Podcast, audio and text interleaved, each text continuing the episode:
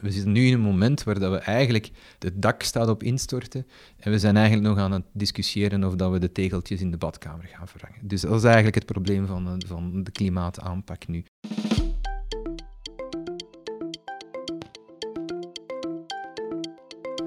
Dag iedereen. Welkom bij deze podcast van EOS Wetenschap, waarin we een antwoord zoeken op de vraag: kunnen we broeikasgassen, zoals CO2, terug uit de lucht halen? Ik ben Kim Verhagen, ik ben redacteur bij EOS Wetenschap en ik vraag het aan professor biogeochemie Philippe Meisman van de Universiteit Antwerpen. Dag Philippe. Hallo. Misschien keren we eerst even terug naar de stand van zaken van het klimaat, uh, of klimaatverandering nu. Uh, het belangrijk moment daarin was de klimaatconferentie van Parijs in uh, eh, 2015. Welke uitdagingen en doelen werden daar vastgelegd? Wel, die conferentie van Parijs was enorm belangrijk, omdat toen de internationale gemeenschap heeft toen een beslissing genomen om te zeggen van we gaan, we gaan ervoor zorgen dat op het einde van deze eeuw we stellen een bepaald doel in termen van klimaat. Dus we willen absoluut onder die 2 graden opwarming blijven. Globale temperatuur mag maximaal 2 graden stijgen. En liefst gaan we binnen die anderhalve graad blijven. Dus het doel is gezet. Alleen de vraag is natuurlijk, we, we weten waar we willen eindigen, maar we weten niet hoe dat we gaan, dat gaan doen. En dat is de grote vraag. En dat is een veel moeilijker opdracht dan, uh, dan het doel op zich stellen. Ja. Welke manieren zijn toen afgesproken om het te gaan doen? Welke uitdagingen zijn geformuleerd? Wel, er zijn geen manieren afgesproken ah. om het te doen. Dat is eigenlijk de, de, hetgeen dat nu uh, uitgeklaard moet worden. En, en de vraag is, hoe gaan we daar geraken? En gaan we daar geraken? Met, uh, en dat is de, de grote uh, vraag die nu op tafel ligt. En, en waar de uitdaging zeer groot is. En we staan voor een uitdaging die we eigenlijk nog nooit voor kiezen als, als, als, als, als gemeenschap, als, als wereldgemeenschap, nog nooit voor de kiezen gehad. En misschien, ik bedoel, de enige vergelijking die ik zie is met uh, de inval van de nazi's in 1940. Toen stond de, de, de, de wereldgemeenschap voor een gelijkaardige uitdaging. Um, en ik denk dat we nu iets gelijkaardig voor een gelijkaardige uitdaging staan. Dat is waarschijnlijk een vraag waar ik het antwoord al op weet, maar die doelen, uh, die ambities die gemaakt worden rond het klimaat, die worden waarschijnlijk niet gehaald als we verder doen zoals we nu verder doen. Uh, nee, dus de, de, de, uh, we zitten met een, een probleem, is dat we een, een, een economie draaien hebben, die, die draait op fossiele brandstoffen. En die fossiele brandstoffen die worden verbrand in allerhande processen, in de industrie, maar ook in de, in verwarming thuis, in transport, in onze auto's. En dus die zorgen voor CO2 als belangrijkste broeikasgas. En um, ja, we zijn, eigenlijk zitten we met een soort verslaving aan CO2. En de vraag is hoe we, de, hoe van die verslaving gaan afgeraken. En, en, en dat is natuurlijk niet plezant, een verslaving, want dat is niet makkelijk om daarvan af te geraken. En dat doet pijn. Um, maar dat vraagt ook doorzettingsvermogen, dat vraagt eerst de wil om af te kicken. En dan uh, hebben we van alle maatregelen nodig om uh, af te kicken. Ja. ja. we zijn eigenlijk ook zo verslaafd, zoals u het zegt, uh, dat er uh, al sprake is om niet per se minder te gaan uitstoten, maar wel om bijvoorbeeld CO2 terug uit de lucht te halen en op die manier de doelen te bereiken. Uh, van waar komt dat idee? Wel, we, we, hebben, we, we moeten op twee fronten werken eigenlijk. Hè. Uh, dus uh, we zitten nu met de jaarlijkse uitstoot en die, van ongeveer 40 gigaton. Dat zegt niet veel, maar 40 gigaton. ongeveer 10 ton per Vlaming. En 10 ton per Vlaming, als je dat uitdrukt, dat zijn, uh, stel dat je dat uitdrukt in, uh, in, in, in pakketjes suiker of bloem, dan heb je van die paletten nodig, 10 kubieke meter. 10 paletten mm -hmm. van, van kubieke meter. Dat is ongeveer dat elke Vlaming gemiddeld elk jaar in de atmosfeer brengt. Mm -hmm. En dan moeten we voor, daar moeten we vanaf. En binnen, tegen, binnen 50 jaar moeten we die uitstoot op nul krijgen willen we aan, aan de doelen van Parijs uh, voldoen. Dus dat betekent dat we dan echt een knik in de curve moeten veroorzaken. En er zijn twee manieren. Er zijn dat we noemen klassieke aanpak. Uh, en die klassieke aanpak is zorgen dat er eigenlijk minder en minder fossiele brandstoffen gebruikt worden en fossiele CO2 in de atmosfeer komt. Dus eigenlijk zorgen dat de CO2 in de atmosfeer niet meer stijgt. Uh, en er zijn een aantal, uh, je kan op er zijn een aantal uh, dingen die je kan doen. Je kan zorgen dat je activiteiten doet die geen fossiele brandstoffen meer nodig hebben. Dus bijvoorbeeld energiezuiniger gaan leven. Dat betekent dat je, dat je geen fossiele brandstof meer nodig hebt om die energie op te wekken. Dus dat is eigenlijk een soort uh, um, gedragsaanpassing. Dus zorgen energiezuiniger zijn. Als je dan nog energie gebruikt, dan ga je duurzame energie, dan ga je inzetten op wind en zon. Een derde manier is, als je dan uh, want dat zal niet makkelijk zijn, want die, die, die, uh, de, de potentieel aan wind en zon, die stijgen nu. Ik bedoel, daar zijn we nu volop aan het inzetten, maar we hebben nog een heel lange weg te gaan. Intussen zou je kunnen inzetten van, oké, we blijven nog steeds fossiele brandstoffen gebruiken, maar we zorgen als die CO2 uit de schouwpijp komt, uit de schoorsteen, dat we die afvangen en dat we die onder de grond stoppen, dat we die ergens stockeren, zodanig dat die niet meer in de atmosfeer. En dus die drie zaken. Um, er is nog een vierde. En dus fossiel, het is niet enkel fossiele brandstoffen die verbrand worden, maar er is ook ons landgebruik. We doen aan ontbossing en als we die bomen opbranden, dat betekent dat we ook CO2 in de atmosfeer. Dus iets doen aan, aan wat we noemen landgebruik, ontbossing, uh, iets doen aan minder energie, energiezuiniger, uh, duurzame energie, en dan inzetten op die, wat we noemen carbon capture and storage, CO2 afvangen. Dat zorgt er allemaal voor, dat zijn de traditionele maatregelen, dat is de traditionele aanpak om te zorgen dat er uh, minder CO2 in de atmosfeer terechtkomt. Mm -hmm. Maar we weten, we, het is duidelijk, uh, de klimaatwetenschappers hebben de laatste tien jaar duidelijk gemaakt en, uh, dat, dat dat niet zal volstaan. Dus enkel minder CO2 of geen CO2 meer in de atmosfeer brengen zal niet volstaan om, om aan de doelstelling van Parijs te geraken. Dus we moeten nog een tandje bijsteken. We moeten eigenlijk CO2 terug uit die atmosfeer gaan halen. En dus CO2 die er ooit is ingekomen, en die moeten we er terug uithalen. En dat noemen we negatieve emissies of, of CO2 removal, CO2-verwijdering uit de atmosfeer.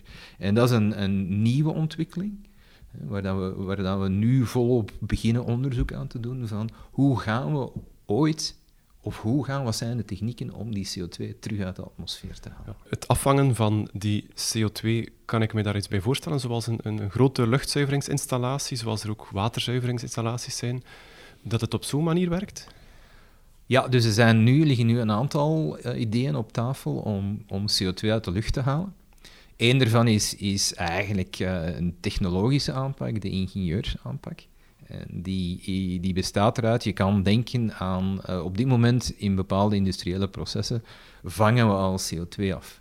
En, en die maken we vloeibaar.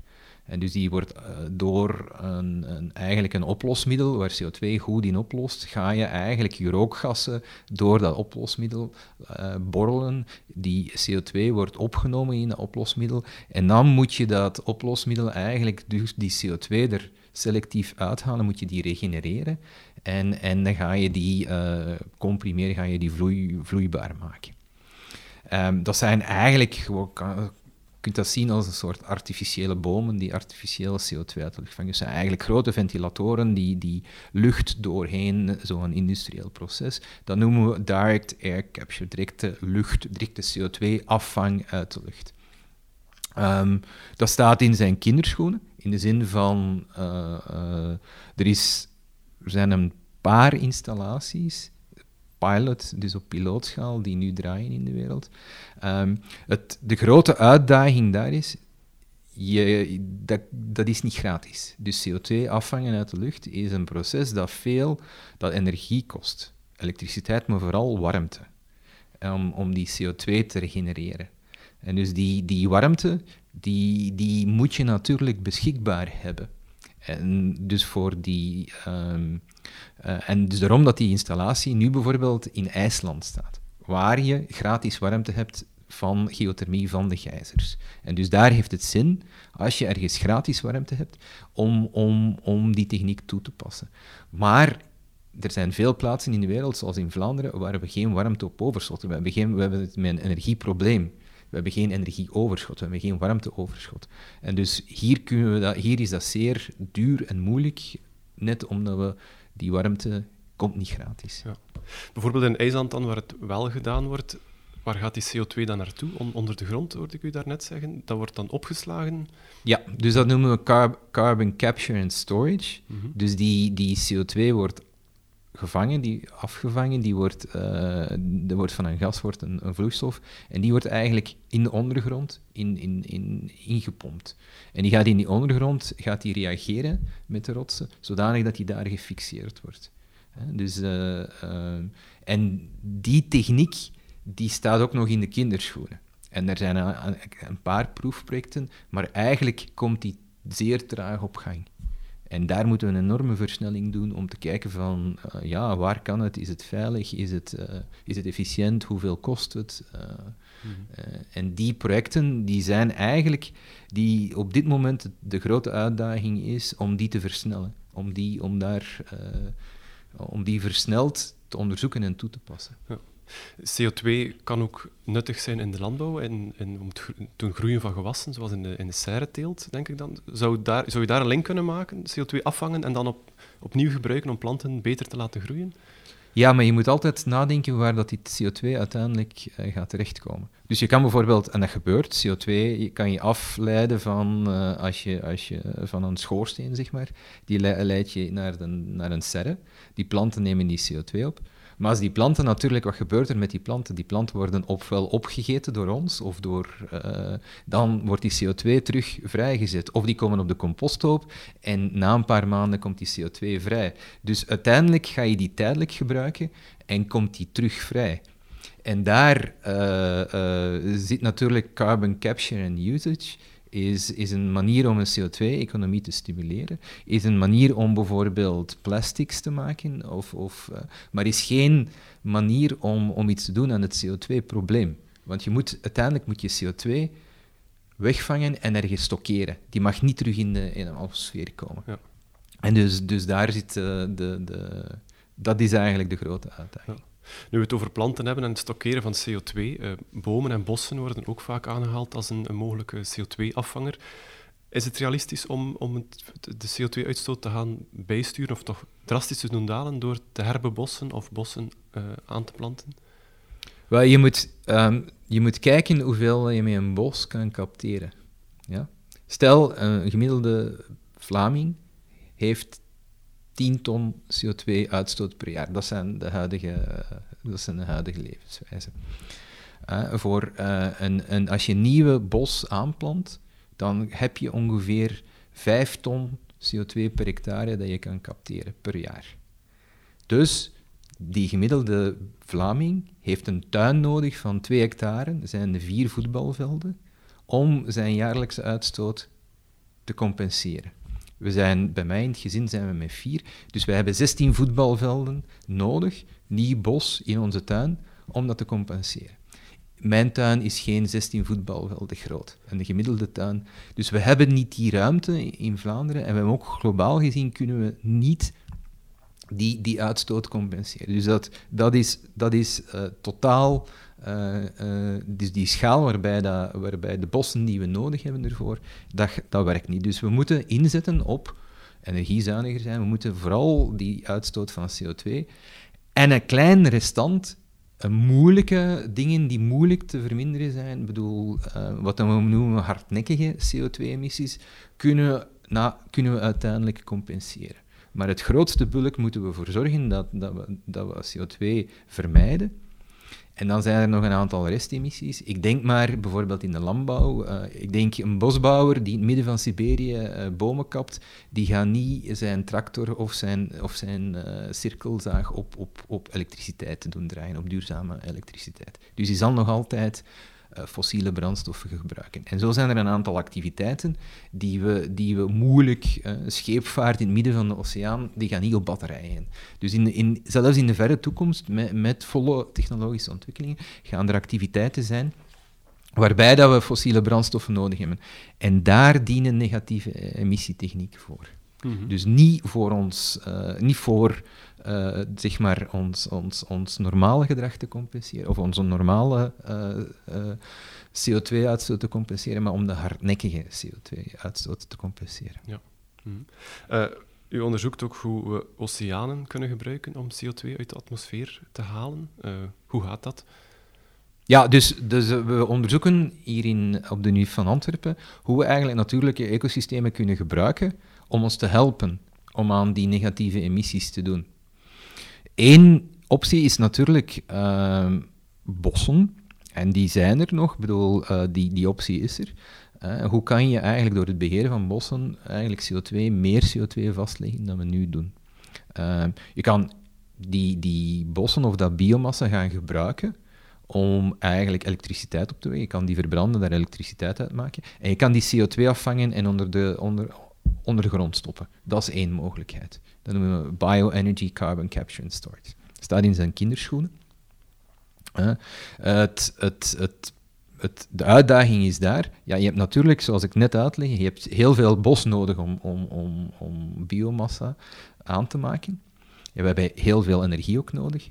Dus op een hectare land kan je niet en aardappelen kweken en voor voedsel en bosplanten voor energie. Dus daar zit een competitie tussen eigenlijk eh, voedselvoorziening en energievoorziening. En dus dat is eigenlijk de grote... eh, we kunnen in theorie wel, wel terug overschakelen op, op, op bomen om, om van energie te voorzien, maar dan komen we in de problemen met onze voedselvoorziening. Dus daar, daar, daar, daar zit een, een, een, spanning op. Ehm, hoe kan je nog? Wel, je kan, ehm, ehm, je kan bijvoorbeeld in de landbouw, boeren kunnen eigenlijk, boeren doen nu aan voedselvoorziening, kweken hè, eh, voedselproducten voor ons, maar die bodems, de huidige manier van landbouw, is die, waarbij de boer zijn land omploegt, waarbij de boer eigenlijk zuurstof in de bodem brengt, die zorgt dat er eigenlijk minder koolstof wordt opgeslagen in die bodems. En dat is eigenlijk wat noemen we een, een oxidatieve eh, manier van, van eh, aan landbouw doen. En dus er zijn mogelijkheden om aan landbouw te doen, waarbij dat je extra koolstof ops- opslaagt in de bodem. Dus eigenlijk zijn er landbouwpraktijken eh, mogelijk waarbij dat je eigenlijk zorgt dat die, dat die landbouwgronden, in plaats van koolstof te verliezen, extra koolstof opslaan en dus extra koolstof uit de lucht absorberen. En daar zit een, daar zit een mogelijkheid om eigenlijk extra inkomsten voor de boer te voorzien. Stel dat de boer, eh, stel dat je voor CO2 uit de lucht te halen een prijs krijgt. Ja, als die boer dan zijn landbouwmethode aanpast en in plaats van te ploegen technieken gebruikt waarbij, dat er geen, eh, eh, waarbij, de boel, waarbij dat de bodem niet omgewoeld wordt, dan kan hij eigenlijk geld verdienen door, door, door koolstof op te slaan. En aan die ideeën wordt... Maar dat is natuurlijk een andere manier van, van landbouw, een andere visie op landbouw. En dat is... eh, dus daar moeten we, of kunnen we, zouden we naartoe kunnen gaan. Dus we hebben... In bosbeheer we, kunnen we eh, extra koolstof opslaan. In landbouw kunnen we extra koolstof opslaan. En dat is dan op het land. En dan kunnen we ook nog kijken naar de oceanen. En ook daar zijn er mogelijkheden om eigenlijk natuurlijke ecosystemen, natuurlijke marine ecosystemen, extra koolstof te laten opslaan. En daar werken we, dat is, dat is mijn onderzoek dan. En wat kan ik me daar dan bij voorstellen bij dat, dat, de, dat de oceanen eh, koolstof opvangen? Wel, er zijn een aantal manieren. Ehm Eén daarvan is, eh, we hebben zeer efficiënte koolstofopslagsystemen aan de rand van een oceaan. Zijn er bijvoorbeeld mangrovenbossen, zijn er bijvoorbeeld eh, zoutmoerassen. Die, die, die marine ecosystemen eh, die aan, aan, eh, in, in, in onze eh, estuaria, in ons, aan onze kustgebieden, die zijn zeer efficiënt. Dus als we die, bijvoorbeeld die mangroven staan nu zwaar onder druk, bijvoorbeeld van garnalenteelt. Er worden garnalen aquacultuur vijvers in aangelegd. In. Dus de opbrengst van die, van die aquacultuur is eigenlijk voor de, voor, voor, voor de maatschappij is die minder dan, dan de koolstofopslag van de mangrovenbossen. Die worden gerooid of die worden... eh, dus die, die mangroves behouden en verder uitbouwen als we nieuwe ingenieursprojecten doen in de kust, als we a- nieuwe kustverdediging aanleggen tegen zeespiegelstijging, moeten we denken aan hoe kunnen we eigenlijk daar die, die natuurlijke koolstofopslag in die kustsystemen, hoe kunnen we zoutmoerassen, hoe kunnen we mangroves, hoe kunnen we eigenlijk die, die ecosystemen erin integreren, zodanig dat we niet alleen kustverdediging hebben, maar ook CO2-opslag. Dus dat is een één idee. Dan in de oceaan zelf. Oceaan is een zeer groot eh, opslagreservoir van koolstof. Ehm, en dat heeft te maken met eigenlijk de zuurbasechemie van de, van de oceaan. Ehm, en daar is er een mogelijkheid, en, en de natuur heeft, ons dat, eh, heeft dat ons al voorgedaan. Eh, Er bestaat een mogelijkheid om eigenlijk die, die buffercapaciteit voor eh, CO2 van de oceaan te verhogen. En dat betekent dat we uiteindelijk de, de, ehm, de, de, de, de kunnen helpen. Die kan ons helpen. En dat noemen we een, versnelde verwering. Ehm, dat is een proces waarbij dat je eigenlijk eh, rotsen gaat laten oplossen, silicaatrotsen. En als die oplossen in water, dan verhogen die de buffercapaciteit van water voor CO2. Er wordt er meer CO2 in opgelost. En we weten dat dat, dat werkt. Want bijvoorbeeld eh, zo'n eh, 50 miljoen jaar geleden is India eh, op, op wandel gegaan, is afgescheurd van Afrika, is dan tegen eh, eh, Azië aangebotst. Is, daar is de Himalaya uit ontstaan. Die Himalaya bracht nieuwe silicaatrotsen aan het oppervlak, die dan gingen oplossen door wind en regen en sneeuw. En op dat moment zie je dat er dus die koolstofopslag in de oceaan wordt gestimuleerd. En dan zien we de eerste ijskap verschijnen op Antarctica. Dus we zien dat, dat in, in, in het verleden is dat eigenlijk een soort regulatiemechanisme geweest. Is, is dat een, een belangrijk, dat is eigenlijk op, lange termijn is dat een belangrijke regulator van de, van de CO2 in de atmosfeer. Nu zijn we aan het denken van, kunnen we dat eigenlijk een handje helpen? Eh, door, je kijkt dan naar wel bepaalde rotsen die heel snel oplossen, eh, dus die, die heel snel verweren, relatief dan. Die ga je dan eh, eigenlijk vermalen, in, eh, zodanig dat het oppervlak, het oplosoppervlak, groter wordt. Die ga je dan eh, aanbrengen in, in, op plekken waar ze snel verweren. Dus natte, vochtige plekken. En dus de oceaan is een natte, vochtige plek op bepaalde delen. Ehm, en we zijn aan, dus aan het onderzoeken van, kunnen we, dat, kunnen, we dat, kunnen we eigenlijk die natuurlijke regulator van CO2, kunnen we die een handje helpen door wat dan we noemen versnelde mineraalverwering. Welke hoeveelheid moet ik me daar dan bij voorstellen? Hoe- Hoeveel containers, bij manier van spreken, van dat steengruis moet je in de oceaan gooien? Ja, dus dat is het. Dat is de, de, de, eh, er bestaat geen. ehm, er bestaat geen mirakeloplossing. En dus je hebt inderdaad grote hoeveelheden nodig. Om, stel, wil je dat een effect laten hebben. En dat is een van de, eh, de uitdagingen of de, de, de dingen die je in rekening moet brengen. Ehm, ja, dus dat beperkt ik bedoel, we gaan, we gaan daarmee niet de huidige, eh, ons huidige fossiele brandstofverbruik compenseren. Dat is weer hetzelfde verhaal. Dat gaat enkel over een, een welbepaald deel. We kunnen, als we alle die negatieve emissietechnieken uitbouwen en maximaal uitbouwen, dan is het idee dat die ongeveer 10 à 15 procent van ons huidige uitstoot kunnen compenseren. Dus dat betekent dat we 85 tot 90 procent op die andere manier moeten terugdringen. Door energiezuinig te zijn, door eh, duurzame energie en door afvang van CO2 en door bescherming van eh, tropische bossen en, en dergelijke. Dus dat, die dingen die moeten voor 85% zorgen en die negatieve emissies, dus het, het CO2, zo ongeveer voor 15%. eh, dus die, die, zo, dat Ja. is eigenlijk het. En dan halen we Parijs.